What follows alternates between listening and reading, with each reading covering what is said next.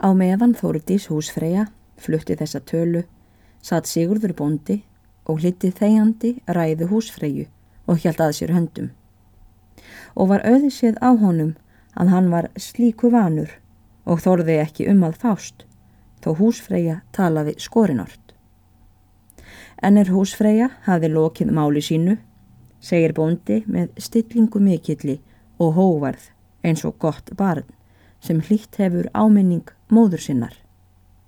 Byður um fyrirgefning og lofar bót og betrun. Ég sé það nú, þórtist mín, eftir á, að þú hefur rétt að mæla. Ég hefði ekki átt að vista hann hingað fyrir en ég var búin að tala við þig eins og ég er vanur og vitað hvort þér hefði leitist á það. En að því presturinn reði mér heldur til þess að taka hann og sagði hann væri einhver hinn efnilegasti maður, reðist ég þó í það, með því mér lág á manninum. Baðstu prestin að útvega þér vinnumann, sagði húsfreyja. Ó nei, ekki að sönnu. Það var kvortveggja og bæði. Ég hafði sagt honum frá að mig vantaði vinnumann og þá vísaði hann mér á þennan. En sagði þó um leið, skeppnan, að hann hefði raunar sjálfur ætlað að vista hann hjá sér, en að því ég væri í þraung, þá vildi hann ekki vera meinsmaður minn, en sagðist vista hann undir eins ef ég gengi frá. Það hefur átt að vera vináttubragð, sagði Þórdís og glotti við. Mér þykir líklegt þú hafið þakkað prestinum fyrir. Nú hann gjörði það nú vel, góði maður, að láta mér hann eftir, sagði Sigurður því hann tók orð húsfreyju eins og þau voru töluð. Og meðfram sagði hann að því hann heldi að Egil myndi verða góður búmaður og mér gæti orðið styrkur að honum. Og þá sló hann því líka fram að okkur væri réttast að fara að gifta hann að Sigrúnu svo ég gæti farið að minka við mig búskapin þegar við færum að líjast ef ég sumsi fengi haganlegan og mér geðfældan mann fyrir hana. Það sagði prestur. Mælti húsfreyja og tók upp úr vasa sínum silfurdósir miklar og sló á lokið. Já, það sagði hann, góði maður. Mikil blessaður sögður ertu, segurður bóndi minn. Það er sannast á þér sem hveðið hefur verið. Aðra heldur eins og sig sá aldrei gengur vélastig. Þú ert eins rekklaus eins og þú ert stór til.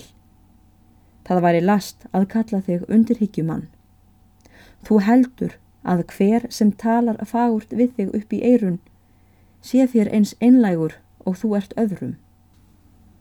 Ertu það barn að trúa því að hann sér að Sigvaldi hefði látið þitt ganga fyrir sínu og láti þér eftir vænan vinnumann, hefði hann viljað nýta eigil, ellegar líta við honum.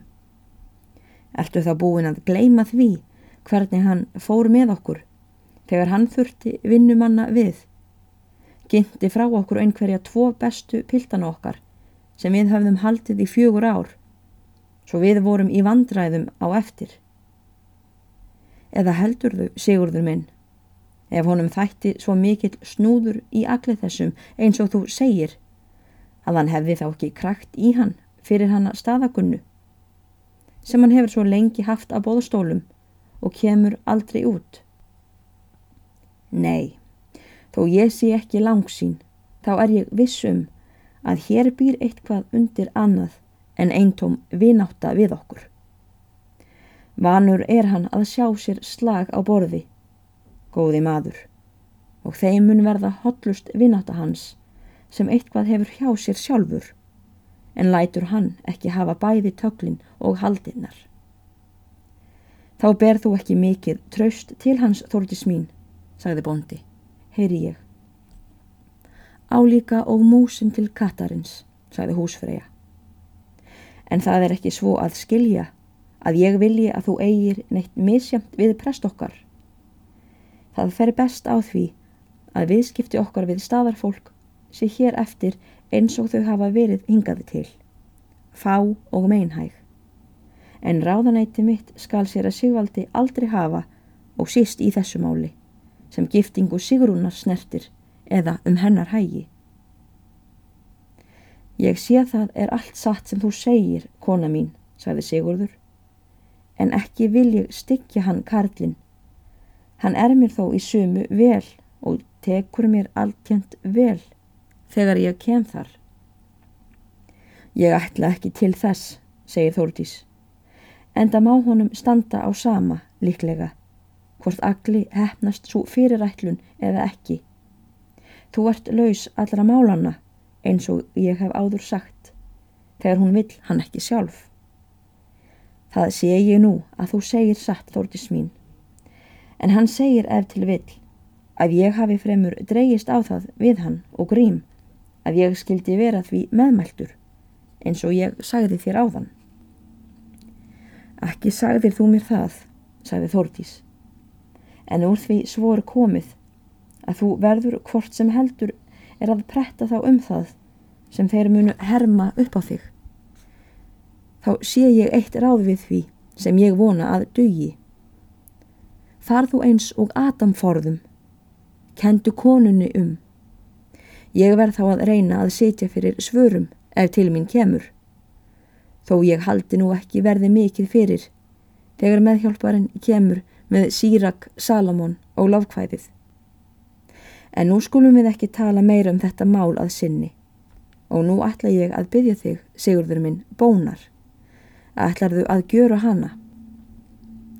Það er sjálfsagt þórtis mín, sagði Sigurður og varð gladur við, er hann sá að húsfreyja gjörðist blíðilegri í bragði en í fyrstu hafi verið. Það er sjálfsagt, þú ert ekki vön að byggja mig annars en þess sem ég er vanur að gjöra fyrir þig. Já, ég þakka þér fyrir, góðurinn minn, sagði húsfreyja og kisti á mangan af karli sínum. Ég ætla þá að byggja þig að leifa mér að koma henni Sigrúnu litlu fyrir í sumar um tíma eða hvaða lengur verður ef mér dettur það í hug. Það getur verið að ég geti fengið hvernmann um sláttin í hennar stað. Sigurði bónda datt helst í hug að Þórdís myndi ætla en þá að setja Sigrúnu í einhvern hannirðaskóla og vissi hann að ekki var til neins að letja húsfreyju þess er hún vildi vel gjöra til Sigrúnar. Endur tók hann fíl ofurð sitt, spurði húsfreyju að hvert hún nú ætlaði að koma Sigrúnu. Þórdís hveðst það ógjarla vita en síðar skildi hún segja honum frá því kisti síðan bónda sinnað nýju og slitu þau síðan talið með sátt og samlindi.